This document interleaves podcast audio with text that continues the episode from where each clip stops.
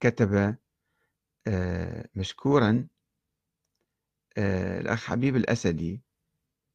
قال من أهم العوامل التي تعلق على موضوعنا هذا من أهم العوامل التي تسبب انتشار الخرافات والأساطير والمعتقدات الخاطئة وتبقى في أذهان الناس هو الجهل والأمية وقلة العلم وقلة الناصحين والتقليد التقليد الأعمى وطاعة العالم طاعة عمياء مطلقة.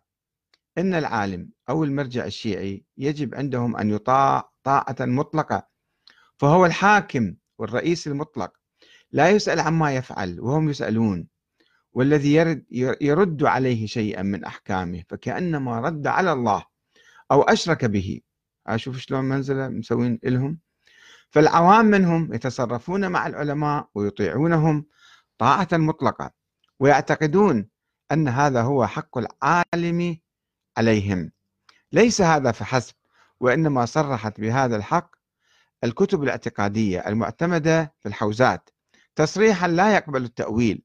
من هذه الكتب كتاب عقائد الشيعة للشيخ محمد رضا المظفر وهو الكتاب المقرر ضمن المنهج الدراسي الابتدائي أنا من عندي كلمة ابتدائي لطلاب مدارس الحوزة في النجف وقم. وهذا يعني أن جميع طلاب العلم الديني عند الشيعة يلقنون هذه العقيدة ويدرسونها بطبيعة الحال هم يدرسوها أيضا لغيرهم حين يصيرون في مواقع التدريس ويفتون بها عندما يتسنمون مراكز الإفتاء وينشرونها بين عامة الناس. جاء في أول الكتاب المذكور صفحة تسعة ما يلي عقيدتنا في المجتهد الجامع للشرائط أنه نائب عام للإمام عليه السلام إمام مهدي. في حال غيبته وهو الحاكم والرئيس المطلق له ما للإمام في الفصل في القضايا والحكومة بين الناس. هو الحاكم الشرعي فقط ما يجوز واحد آخر يصير حاكم ويصير قاضي. والراد عليه راد على الإمام والراد على الإمام راد على الله وهو على حد الشرك بالله. شلون صار؟ هو تقليد العالم تقليدا. أعمى هذا هو الشرك بالله.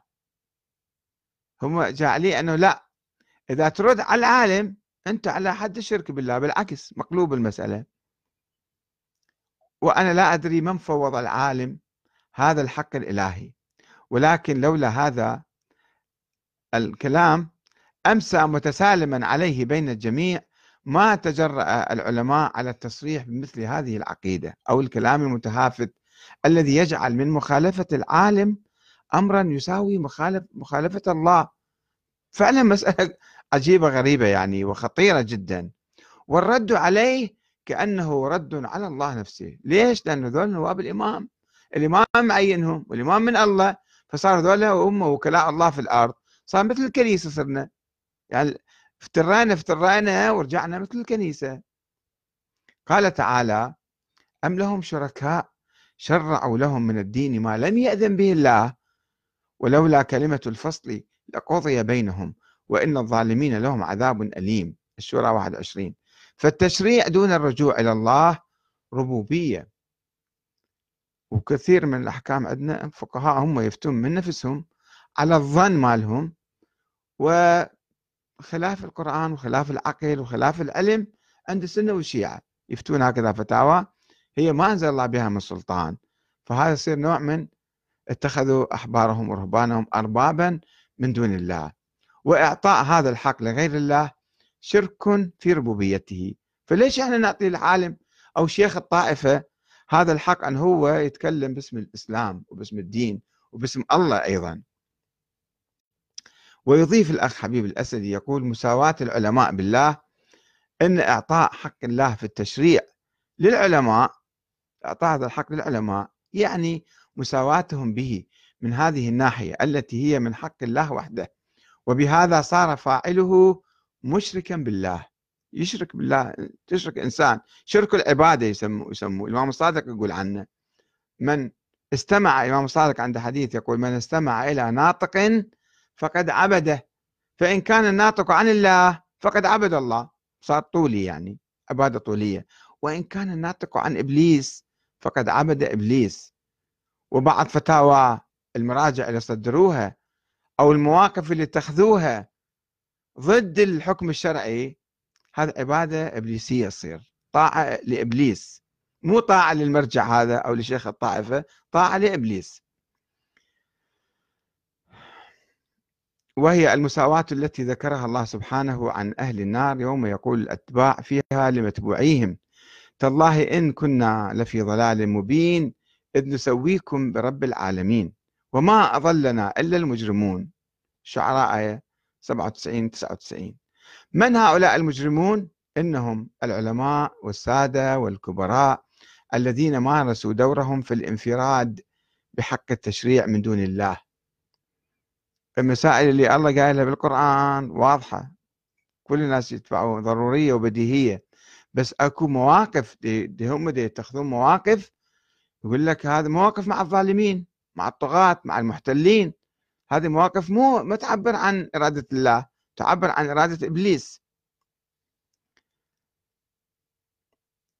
وإضلال الناس عن سبيل الله. إذ منعوهم من الرجوع إلى كتاب الله وسنة رسوله كما قال تعالى عنهم يوم تقلب وجوههم في النار يقولون يا ليتنا أطعنا الله وأطعنا الرسول وقالوا ربنا إنا أطعنا سادتنا وكبراءنا فأضلونا السبيل. الأحزاب من 67 إلى 66 66 67 وهذا مصير كل من ترك كتاب الله تعالى.